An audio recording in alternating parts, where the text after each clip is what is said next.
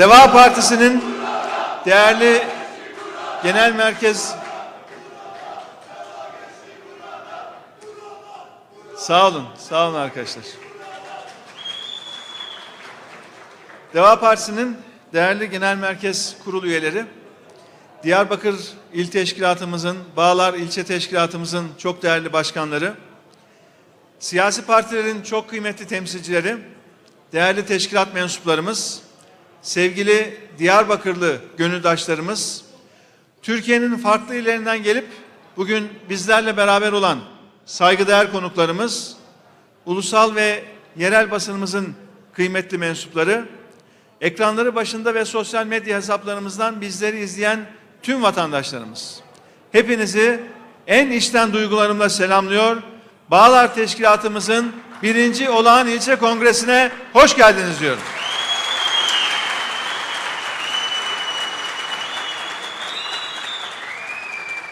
Beş aylık bir aradan sonra yeniden burada Diyarbakır'da olmanın mutluluğunu yaşıyorum. Bu mutluluğumu bugün burada sizlerle paylaşmaktan da kıvanç duyuyorum. Sağ olun, var olun. Bağlar İlçe Teşkilatımızda bu kongre vesilesiyle görev alan, görev alacak tüm yol arkadaşlarımı da şimdiden kutluyorum. Kendilerinde üstün başarılar diliyorum. Değerli arkadaşlarım, Deva Partisi geçtiğimiz hafta birinci yılını doldurdu. Gerçekten coşku dolu bir kutlama programı yaptık. Bu sıradan salonlarda, kapalı yerlerde yapılan bir kutlama değildi. Birinci yılımızı 81 ilimizde, 600 ilçemizde, binlerce mahallede eş zamanlı olarak halkımızla, vatandaşlarımızla buluşarak kutladık. Bir bakıma partimizin ikinci yılının artık tamamen sahada geçecek.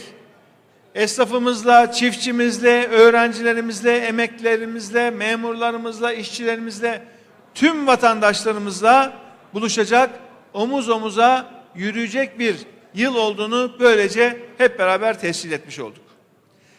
Ben Deva Partimiz için nice yıllara diyorum ve bu hizmet kervanının tüm ülkemiz satında damla damla yayılıp nehir olmasını ve halkımızla kucaklaşmasını gönülden temenni ediyorum.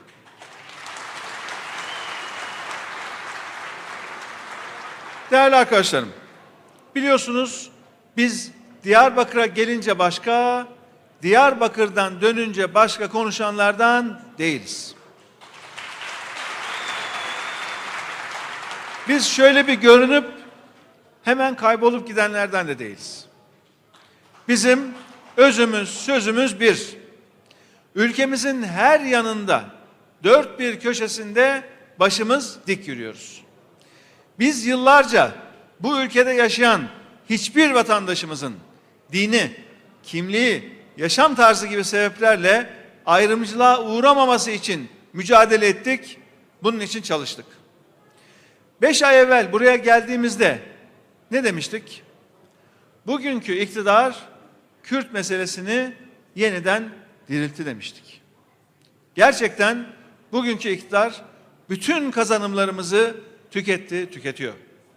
Türkiye'yi yeniden 90'lı yıllara hızla götürmeye başladılar her açıdan. Biz Kürt meselesini dirilttiler dedikten sonra Sayın Erdoğan ne dedi? Ne Kürt sorunu ya dedi. Bu ülkede Kürt sorunu yoktur dedi. Biliyoruz ki iktidar ortaklarının halktan kopuk, ayrımcı, baskıcı, hukuksuz uygulamalarıyla ülkemizdeki her sorun maalesef tek tek dirildi, diriliyor. Beş ay evvel Diyarbakır'a geldiğimde gözleriyle hafızalarımıza kazınan 12 yaşında hayatını kaybeden Ceylan Önkol'dan bahsetmiştim.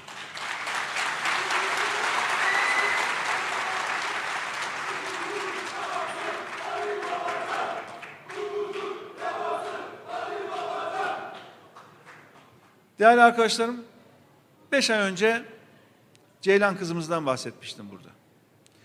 Bakın, idare mahkemesi ne yaptı? Geçtiğimiz hafta Ceylan'ın ölümünde ilgili bakanlığı yüzde 90 kusurlu buldu. Kusurun yüzde onunu da evinden ot toplamaya çıkmış Diyarbakırlı yoksul bir kızımızın maalesef üzerine bırakmış oldu. Peki o yüzde 90 kusur var da o kusurun bir sorumlusu açıklandı mı? Biz duymadık. Kusur var ama suçlu yok. Kusur var ama kusurlu yok. Ama daha acısı, daha acısı değerli arkadaşlar, Ceylan'ın ailesi tam 12 sene boyunca adliyelerde mücadele etti. 12 sene. Soruyorum şimdi. Bu mudur adalet? Bu mudur insan hakkı? Biz bu konuyu gündeme getirmesek, 5 ay önce Diyarbakır İl Kongresi vesilesiyle yaptığım konuşmada bu konuyu gündeme getirmesek, acaba yargı süreci böyle işler miydi? Yoksa sürümcemede kalmaya devam mı ederdi? Soruyorum şimdi sizlere. İlla bizim hatırlatmamız mı gerekiyordu? İlla bizim gündeme getirmemiz mi gerekiyordu? Hukuk devleti böyle mi olur? Hukukun üstünlüğü buna mı denir? 12 sene böyle bir dava sürümcemede bırakılır mı? Gerçekten arkadaşlarım içimiz cız ediyor. Yüreğimiz yanıyor. Bu ülkede her gün hukuk katlediliyor. Her gün insan hakları ayaklar altına alınıyor. Türkiye bunu hak etmiyor. Bu ülke bunu hak etmiyor. Değerli arkadaşlarım, hep söylüyorum. Bugünkü iktidarın çok ciddi bir zihniyet sorunu var, zihniyet. Bu öyle tedavisi zor bir hastalık ha. Zihniyet sorunu çok ciddi bir hastalık. Bakın geçtiğimiz günlerde kadına şiddetle mücadele için kurulmuş bir kadın destek uygulamasının duyurusu yapıldı değil mi? Kadına şiddetle mücadele için kadına destek uygulaması. Fikir güzel. Sorun yok. Daha sonra açıklandı ki bu uygulama farklı dillerde hizmet veriyor. Haydi dedik ne güzel. Hangi dillerde hizmet verdiği de açıklandı. Bakın arkadaşlar bu uygulamada Türkçe dışında tam beş tane dil var. Fransızca bile var. Hepsi olsun güzel. Bir zarar yok, faydası var. Ama bu ülkede en çok konuşulan ikinci dil Kürtçe yok arkadaşlar bu uygulamada.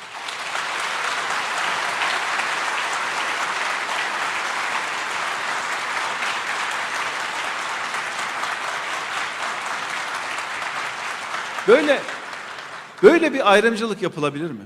Bakın bu işin ucunda yaşam var. Kadınların canı var.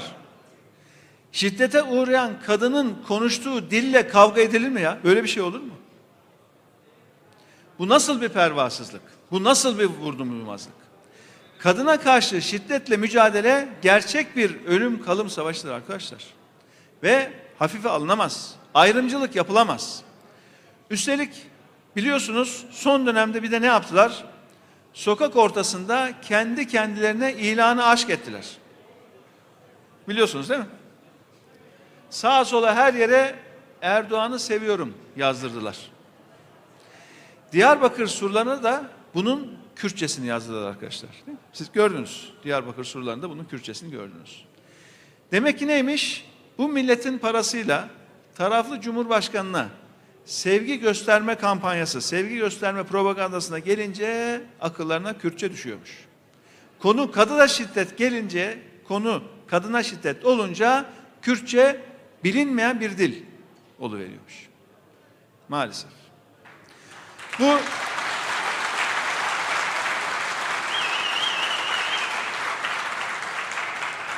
Bu nedir? Bu hissiyat nedir? En iyi sizler biliyorsunuz. Bunları zaten burada bu salonda aslında anlatmama gerek yok ama bu vesileyle tüm Türkiye duysun, tüm Türkiye bilsin diye ben bunları dile getiriyorum. Yoksa sizler zaten içinde yaşıyorsunuz bu durumu. Bunun adı arkadaşlarım ayrımcılıktır. Bunun adı ayrıştırmaktır. Buradan iktidarın irili ufaklı bütün ortaklarına sesleniyorum. Bu ülkenin insanları birbirini çok seviyor. Bu sevgisini de öyle sağa sola reklam palonlarına falan yazdırmaya gerek yok. Bu milletin buna ihtiyacı yok. Bu millet birbirini seviyor siz merak etmeyin.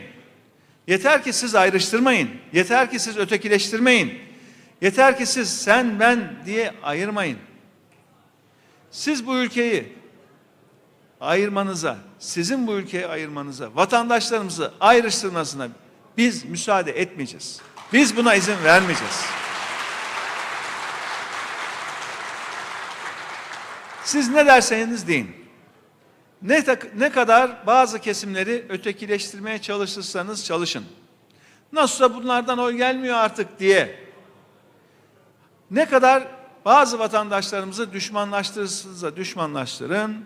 Size rağmen, size inat bu ülkenin insanları bir arada yaşama iradesini koruyacak. Size rağmen koruyacak.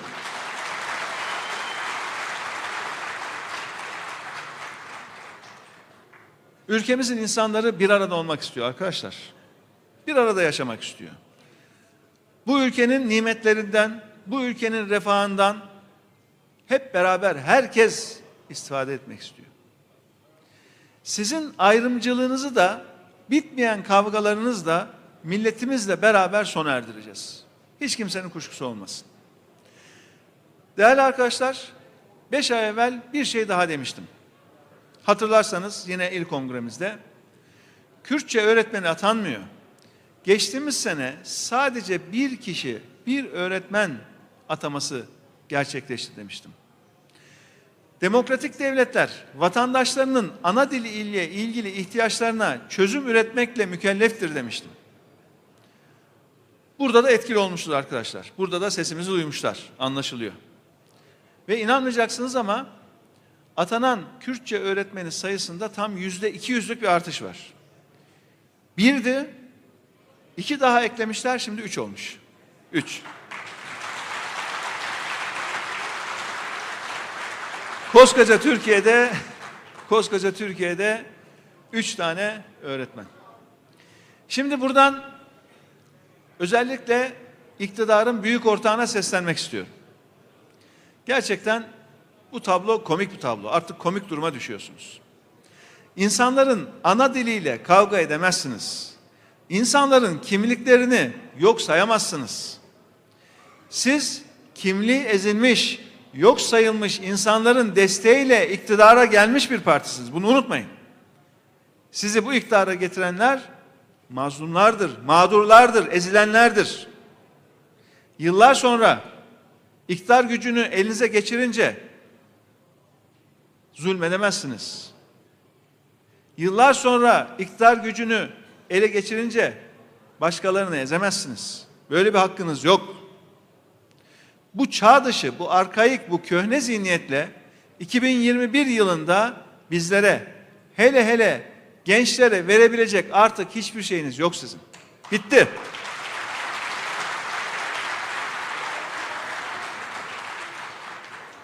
Artık gölge etmeyin. Başka ihsan da istemiyoruz. Gölge etmeyin hiç olmazsa. Biz bu kötü yönetimi ve bu köhne zihniyeti sona erdireceğiz arkadaşlar. Deva Partisi sona erdirecek. İşte bu gençlik bu köhne zihniyeti sona erdirecek.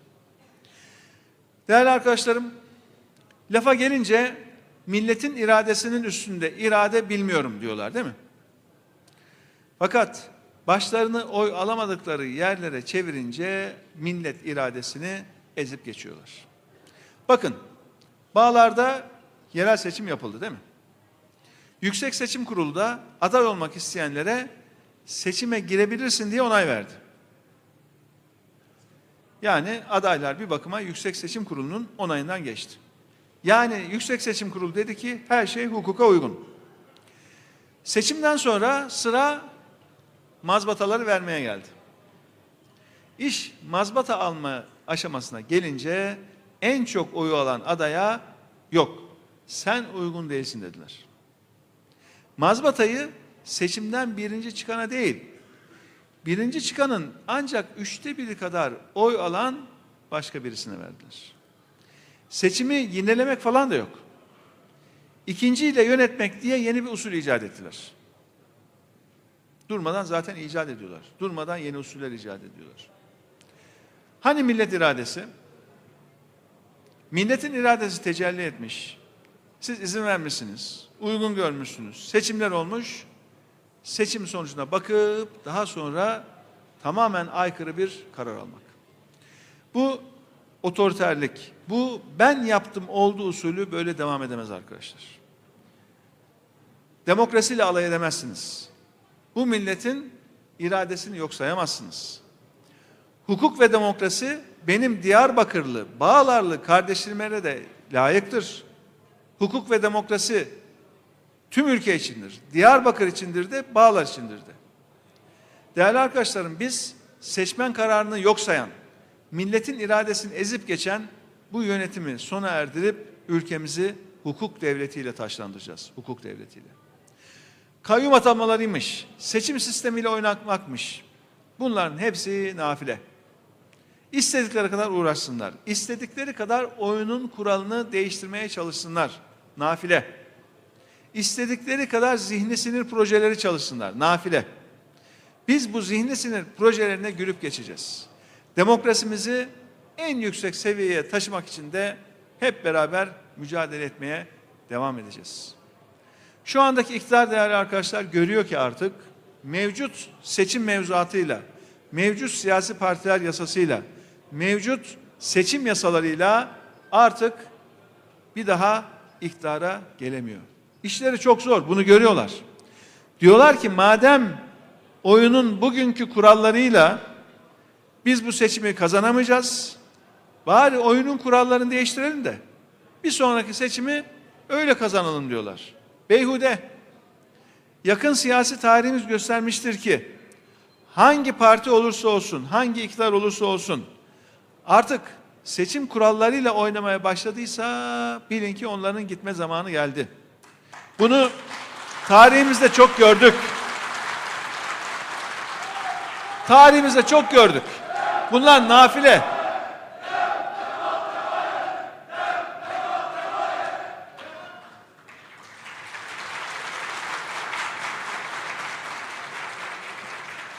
Ülkemizin devası gençlerimiz arkadaşlar, gençlerimiz.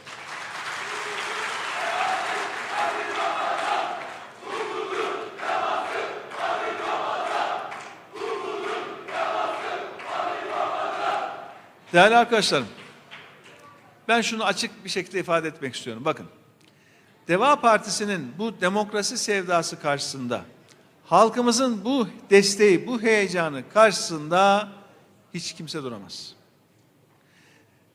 Değerli arkadaşlar, bu iktidar ülkemizi gün ve gün fakirleştiriyor. Gün ve gün toplum olarak yoksullaşıyoruz. İşsizlik her geçen gün artıyor ülkede. Bakın en son açıklanan işsizlik rakamlarını gördünüz.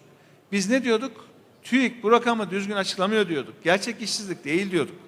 Nihayetinde TÜİK ilk defa genişletilmiş işsizlik tanımı diye bir şey ortaya çıkarttı ve yüzde 30 olarak açıkladı atıl iş gücünü. Yani yaşı durumu müsait olup çalışabilecekken çalışamayan nüfusumuz şu anda üçte bir. Çok yüksek bir oran. Hükümet tabii çırpınıyor. Ne yapsak, ne etsek? Nasıl düzeltsek bunu? Bakın daha üç gün önce ekonomik reform paketi diye bir şey açıkladılar. Pakete bakıyoruz. Bir defa çözmeleri gereken asıl sorunları tamamen ıskalamışlar.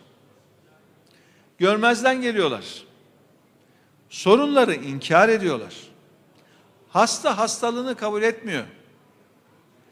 Hastalığını kabul etmeyen, tedaviyi reddeden bir hasta nasıl iyileşecek? Sorun da tam özünde bu var. Konuşurken de iktidara sanki daha dün gelmiş gibi konuşuyorlar. Sanki ilk defa iktidara geldiler. Tarz, üslup açıklama öyle. Sayın Erdoğan'a göre korona dönemini başarıyla atlatmışız. Bunu da partili cumhurbaşkanlığı sistemine borçluymuşuz. Açıklamada bu da var biliyorsunuz. Nasıl başarıysa benim aklım vermedi doğrusu. Bir başarı var deniyor. Başarının sebebi de sistem diyor. Cumhurbaşkanlığı hükümet sistemi diyor. Zihniyet bu işte. Nereden neresinden tutsanız dökülüyor. Biz yine de değerli arkadaşlarım işin doğrusunu tespit etmek zorundayız. Doğrusunu söylemek zorundayız. Bakın henüz bu salgın yokken 2019 yılında daha salgın falan yok. Dünyada da yok, Türkiye'de de yok. Ekonomi yönetiminde siz başarısızdınız. Salgın döneminde de başarısız oldunuz. Bunu bir cümle alem biliyor, müminet biliyor. Bunu başka türlü anlatmaya izah hiç gerek yok. Önce bir hastalığı kabul edin ki tedaviye başlayın. 2019 için salgın daha yokken bile açıkladığınız büyüme oranı o da tabii doğruysa yüzde bir, yüzde bir. Yıl 2019. Eğer buna da inanıyorsak tabii. Daha salgın yok, pandemi yok. Ne oldu da Türkiye 2019'da sadece yüzde bir büyüyebildi? O da rakam doğruysa. Onu açıklayın. Bu başarısızlığın değerli arkadaşlar. En önemli sebepleri de işte o çok övündükleri taraflı cumhurbaşkanlığı hükümet sistemiyle o yanlış zihniyet. Yönetenlerin yanlış zihniyeti. Değerli arkadaşlarım bakın açık konuşalım. Bu hükümetin sizin bizim anladığımız anlamda reform yapması mümkün değil.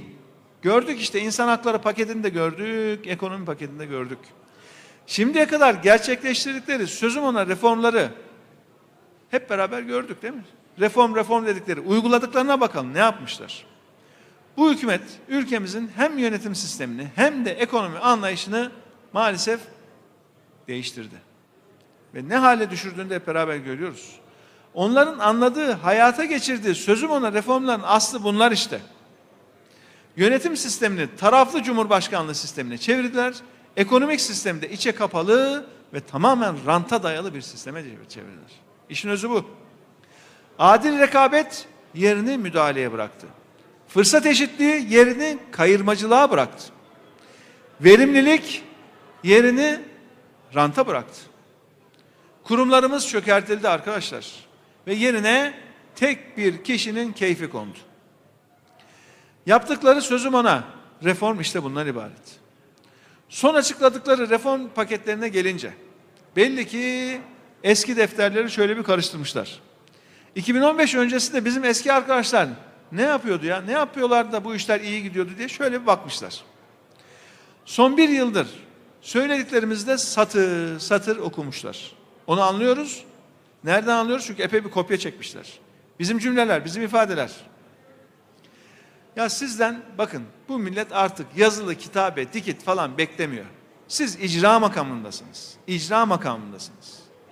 Aynesi iştir kişinin lafa bakılmaz. Buyurun artık şu icraatınızı gösterin.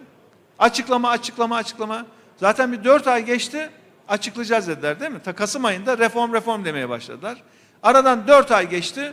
Açıkladıklarında ne olduğunu hep beraber gördük. İnsan hakları reformu açıklıyorsunuz.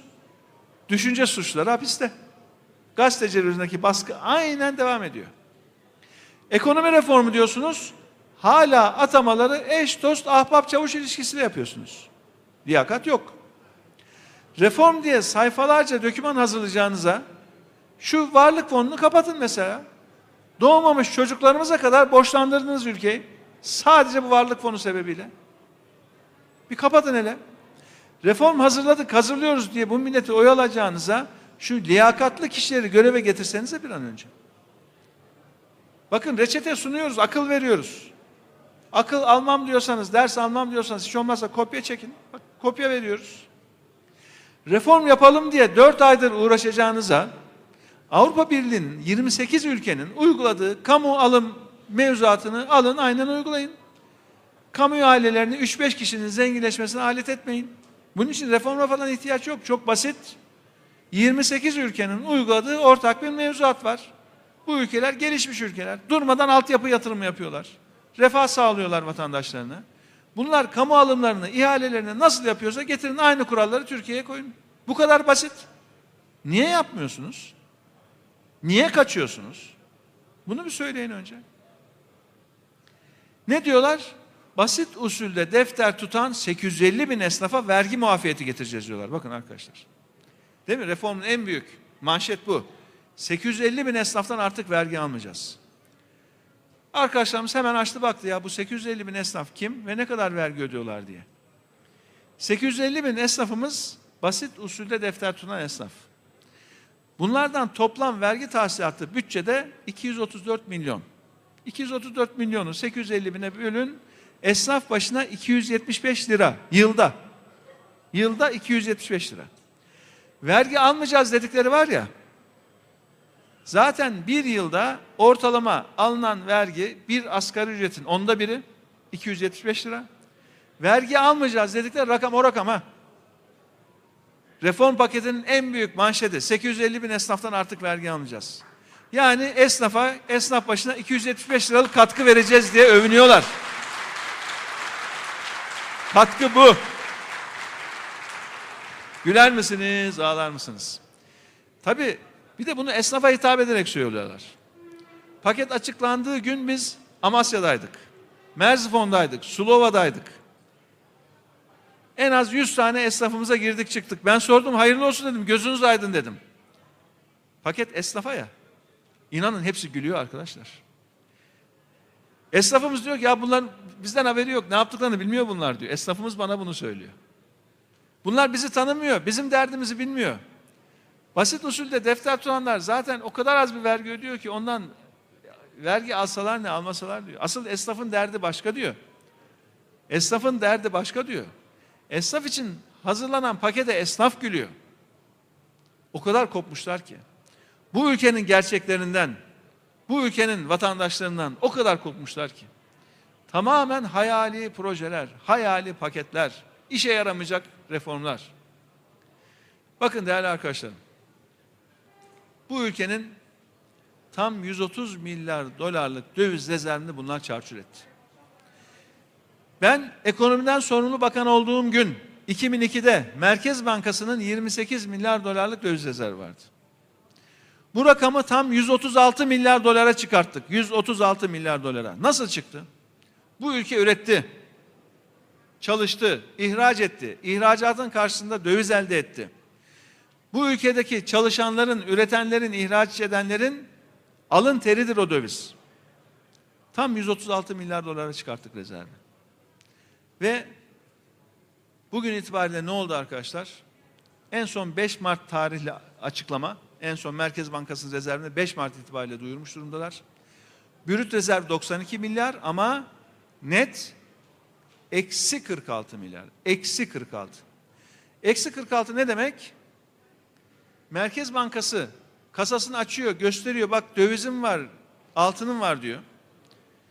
Sayın Erdoğan da diyor, ya diyor bak işte rezervimiz var diyor ama aynı Merkez Bankası'nı borca batırdıklarını, borcu düştükten sonra eksi 42 milyar dolar Merkez Bankası'nın açığı olduğundan bahsetmiyorlar bunlar arkadaşlar. Bu neye benziyor biliyor musunuz? Neye benziyor? Cüzdanındaki parayı açıyor gösteriyor bak param var diyor. Ama aynı cüzdandaki kredi kartının o paradan çok daha fazla borçlu olduğunu bu millete açıklamıyorlar, söylemiyorlar. Düşünebiliyor musunuz? O döviz sizin kendi malınız değil ki. Bu milletin ve bu millete hesabını siz vermek zorundasınız. Bu sizin siyasi sorumluluğunuz. Ve değerli arkadaşlar Merkez Bankası'nın bir de yedek akçe hesabı vardır. Yedek akçe. Yedek akçe nedir? Merkez Bankası her sene bilançosunda karının bir kısmını tutar. Ne olur ne olmaz der. Kara gün parası der. Yıl 2019'un Ocak ayı. Partili Cumhurbaşkanı Akraba Bakan göreve başlayalı daha 6 ay olmuş.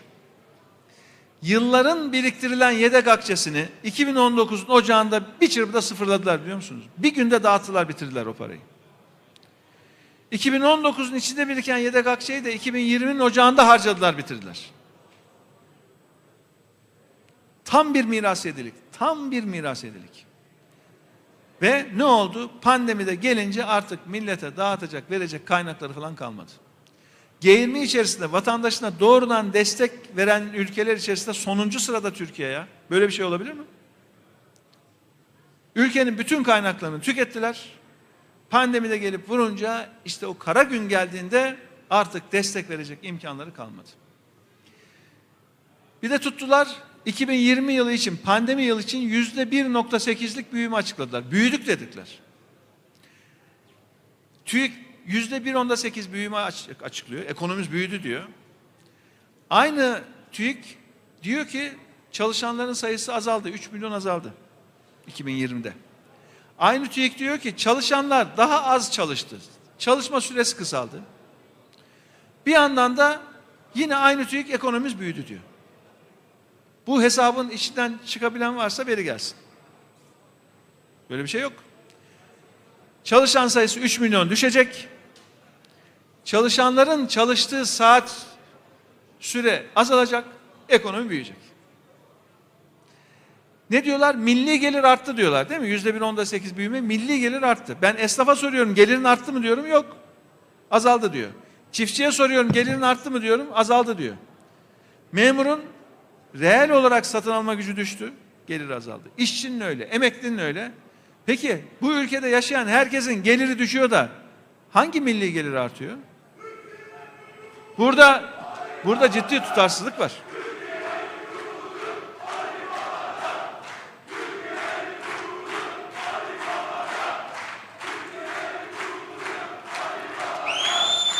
Değerli arkadaşlarım.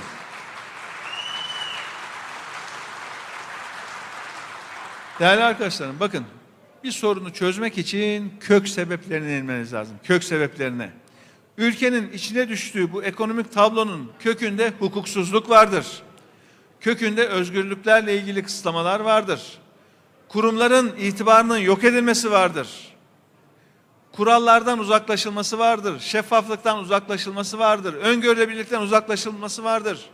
Bu ülkenin sorunlarının kökünde bu sistem vardır. Taraflı cumhurbaşkanlığı sistemi vardır. Ve yanlış zihniyet vardır. Bu kök sebeplere inip bunları çözmeden siz bu ülkenin sorunlarına çözüm üretemezsiniz. Mümkün değil. Değerli arkadaşlarım, bizim en temel önceliklerimizden birisi ülkemizin her bir bölgesinin kendi potansiyelini gerçekleştirmesini sağlamak ve bölgeler arasındaki gelişmişlik farklarını asgariye indirmektir. 32 OECD ülkesi arasında yapılan bir çalışmaya göre arkadaşlar, bölgeler arasında sosyoekonomik gelişmişlik farkının en büyük olduğu ülkeler sıralamasında Türkiye maalesef sondan birinci. Gelişmiş bölgelerle gelişmemiş bölgeler arasında tam dört kat refah farkı var. Dört kat.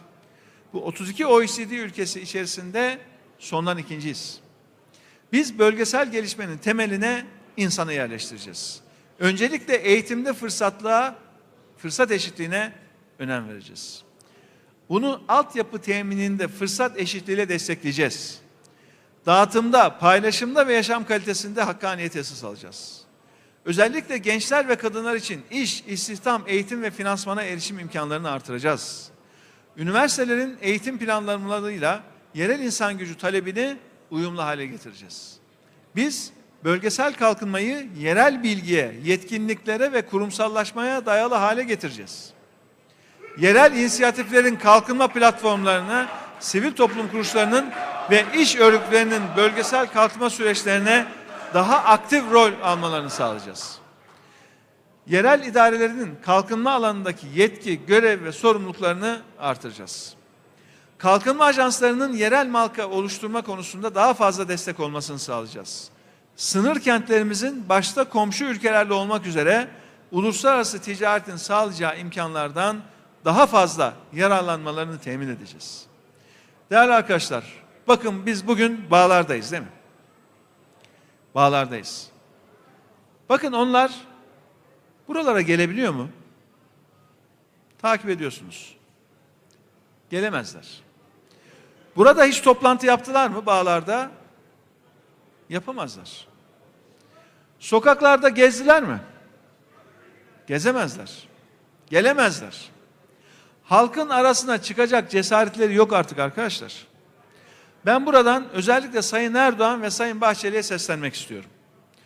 Buyurun gelin Bağlar sokaklarında yoksulluğu görün.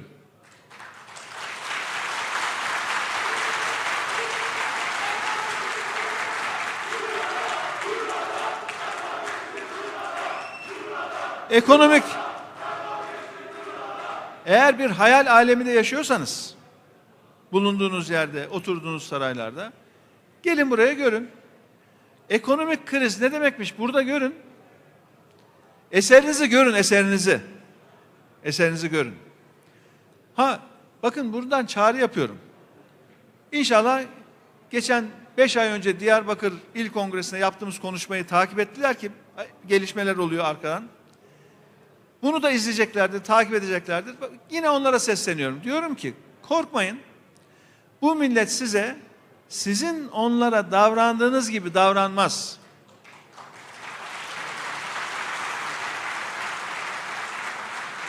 Bu millet sizi baş göz üstüne ağırlar endişeniz olmasın. Korkmayın gelin buraya. Ama buraya geldikten sonra da öyle abartıyorsun deyip keyif çayı atmayın insanların üstüne. İnsanların onuruyla dalga geçmeyin. Siz kimsede keyif de bırakmadınız, huzur da bırakmadınız. Değerli dostlarım, ülkemizin bu yoksulluğa artık daha fazla tahammül gücü yok. Bu hükümetin halkımızı önce yoksulluğa mahkum edip sonra da yaptıkları cılız sosyal yardımları bir lütufmuş gibi sunmasına tahammülümüz yok artık. Bakın bizim somut bir projemiz var. Somut bir proje. Çok kısaca değineyim. Nedir bu proje? Asgari gelir desteği. Bir ailenin farklı kanallarından gelebilecek gelirlerine bakacağız. Bir de o ailenin kaç kişi ise o ailenin nüfusu asgari ihtiyaçlarına bakacağız. Eğer o ailenin geliri asgari ihtiyaçlarını karşılayamıyorsa aradaki farkı biz devlet olarak ödeyeceğiz. Asgari gelir desteği bu demek. Şu, bu sosyal yardımlar, destekler arkadaşlar vatandaşlarımızın hakkıdır. Devletin verdiği bir lütuf değildir. Bu devlet o sosyal destekleri verirken zaten vatandaşlardan toplandığı, topladığı vergilerle yapmaktadır bunu. Bu devletin görevidir. Halkımızın da hakkıdır. Tıpkı aile hekimliği sisteminde olduğu gibi her bir aile için görevlendirilecek sosyal destek uzmanları aile aile, fert fert vatandaşlarımızı yakından takip edecek, eksikleri telafi edecek ve daha vatandaşlarımız talep etmeden, bu yardımı nereden nasıl alırım demeden, iktidar partisinin üyelik kartını alıp göstermek zorunda kalmadan o desteklere vatandaşlarımız artık ulaşacak. Bu bizim görevimiz. Ve biz üstelik vatandaşlarımız bu sosyal desteği almak zorunda kalmasın diye çalışacağız. Sosyal destek almak zorunda olan vatandaşlarımızın sayısını azaltmak, onları üreten, iş gücüne katılan vatandaşlar yapmak için çalışacağız. Biz kalkınma demenin, ekonomik büyüme demenin öyle 3-5 kişinin zenginleşmesi anlamına gelmediğini biliyoruz. Kalkınma ülkemizin topyekün zenginleşmesidir. Hep beraber büyümektir. Refah içinde yarınlara doğru güven içerisinde yürüyebilmektir. Bizim anladığımız ekonomik büyüme vatandaşa daha iyi eğitim, daha iyi sağlık hizmetleri sunmaktır. Bizim anladığımız ekonomik büyüme büyümenin nimetlerinden tüm halkımızın adil bir şekilde faydalanmasıdır. Bağlarda yaşayan değerli vatandaşlarım, sizlerin sorunlarını biliyoruz, yakından da takip ediyoruz. Kayyum uygulamasının prensipte ne kadar yanlış olduğundan az önce bahsettim. Ancak ancak kayyum uygulamasının şöyle biraz daha kazıyıp baktığınızda başka yanlışları da görüyoruz. Gerçekten hayret ediyorum. Gerçekten. Bakın şu anda belediyedeki pek çok önemli pozisyona çok uzak şehirlerden gelen insanları görevlendiriyorlar biliyor musunuz? Ve bunun oluşturduğu rahatsızlığın da gayet iyi farkındayız. Ya koskoca Diyarbakır, koskoca bölge, buralarda, buralarda liyakatlı hiçbir insan bulamıyorsunuz da. Türkiye'nin ücra yerlerinden, uzak yerlerinden insanları bu belediyede gelip görevlendiriyorsunuz. Gerçekten değerli arkadaşlar izleyip izliyoruz ve hayretle izliyoruz. Ama zaten kayyum meselesi gerçekten zor bir mesele. Gerçekten vatandaşa vatandaşa sorumlu olmak ayrı. Kendini seçmene karşı sorumlu hissetmek ayrı bir mesele. Bağların bir başka sorunu arkadaşlar biliyorsunuz Kaynartepe Mahallesi ile ilgili kentsel dönüşüm hazırlıkları. Kentsel dönüşüm önemli. Düzgün yapıldığında, adil ve şeffaf yapıldığında önemli. Fakat bunun mağduriyetlere yol açılmadan yapılması lazım. Diyarbakır'da bir sur örneği var ki vatandaşlarımızı gerçekten korkuttu, ürküttü. Acaba yine benzer şeyler mi tekrar edecek diye haklı olarak vatandaşlarımız çekiniyor, merak ediyor. Biz ne diyoruz? Şeffaf olun diyoruz, adil olun diyoruz ve öngörülebilir olunur diyoruz. Kentsel dönüşümde bu ilkeler çerçevesinde yapın diyoruz. Biz Diyarbakır'da il genelinde çiftçilerimizin yaşadığı sorunların da gayet iyi farkındayız. Çiftçimizin maliyetleri çok arttı. Çünkü maliyetlerin çoğu dövize bağlı arkadaşlar. Döviz kuru arttı, bütün maliyetler arttı. Yem, mazot, gübre, ilaç, tohum. Korkunç artışlar var burada. Ve çiftçimizin sattığı ürünün fiyatları o kadar artamadı. Çiftçimiz artık daha az kazanıyor. Bazı ürünlerde zarar ediyor. Daha çok ürettikçe daha çok zarar ediyor. Ve tarımsal üretim Türkiye'de düşüyor arkadaşlar. Bakın tarımsal üretim düşüyor. Bu ülke için büyük bir problemdir bu. Kendi kendine gıda açısından yeterli olan bir ülkenin tarımsal üretimin düşmesi ve temel pek çok gıda ürünü, tarım ürünü ithal etmek zorunda kalması büyük bir aciziyet. Büyük bir iş bilmezlik. Çiftçimizin borçları artıyor. İlk defa, ilk defa hiç görmediğimiz, duymadığımız şeyler oluyor. Çiftçilerimizin traktörüne, biçer döverine haciz konuluyor. Böyle bir şey yoktu bu ülkede. Siz döviz kurunu patlatıyorsunuz, çiftçinin maliyetlerini patlatıyorsunuz. Yanlış tarım uygulamalarıyla çiftçiyi mağdur duruma düşürüyorsunuz. Borç altında eziyorsunuz. Arkasından da sen borçlusun ödemiyorsun diye elindeki malına, mülküne, traktörüne el koyuyorsunuz. Böyle bir şey olmaz. Buna tarım politikası denilemez. Üstelik sulamada kullanılan elektriğin maliyeti de çiftçilerimiz için büyük bir problem. Bakın sulama yatırımları çok önemli arkadaşlar. Sulama. Tarım demek sulama demek. Özellikle damlama sulama demek. Şimdi biz tarımda suya ihtiyaç var diyoruz. Sulama kanallarına ihtiyaç var diyoruz. Onlar yatıyor kalkıyor Kanal İstanbul diyor. Yatıyorlar kalkıyorlar Kanal İstanbul. Niye? Çünkü Kanal İstanbul'da rant var, rant. O rant gözlerini kör ediyor. Ülkenin bu kadar sulama yatırımına ihtiyaç varken tutup Kanal İstanbul'la uğraşmanın zaten kıt olan kaynakların rant projelerine yönlenmesinin bir anlamı yok. Yanlış yapıyorsunuz diyoruz. Ve bunların hepsi arkadaşlar maalesef o yanlış zihniyetin ve taraflı cumhurbaşkanlığı sisteminin bir ürünü. Değerli arkadaşlarım, biz ülkemizin her bir yanında, Diyarbakır'da, Samsun'da, Edirne'de, Kars'ta, Zonguldak'ta, Manisa'da gittiğimiz her yerde sürekli tavsiyeler yapıyoruz. Reçeteler açıklıyoruz. Ders veriyoruz. Kopya veriyoruz. Yeter ki alsınlar, uygulasınlar diye. Biz insan haklarına dayalı birinci sınıf bir hukuk devletini mutlaka inşa edeceğiz. Kimse kendisini ikinci sınıf vatandaş hissetmeyecek bu ülkede. Biz güven ve istikrarla yürüyen, güven ve istikrarla büyüyen bir refah devletini inşa edeceğiz.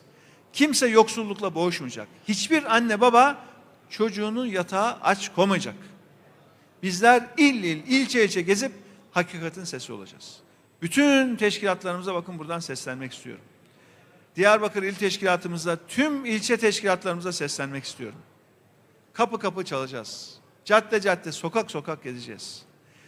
Bu milletin aklıyla, onuruyla, gururuyla alay eden zihniyeti gittiğimiz her yerde milletimize anlatacağız. Aziz milletimize kulak vereceğiz. Milletimizi dinleyeceğiz. Toplumun gerçek gündeminden asla sapmayacağız. Biz Deva Partisi olarak bu ülkenin tek umudu olduğumuz bilinciyle çalışıyoruz, çalışmaya da devam edeceğiz.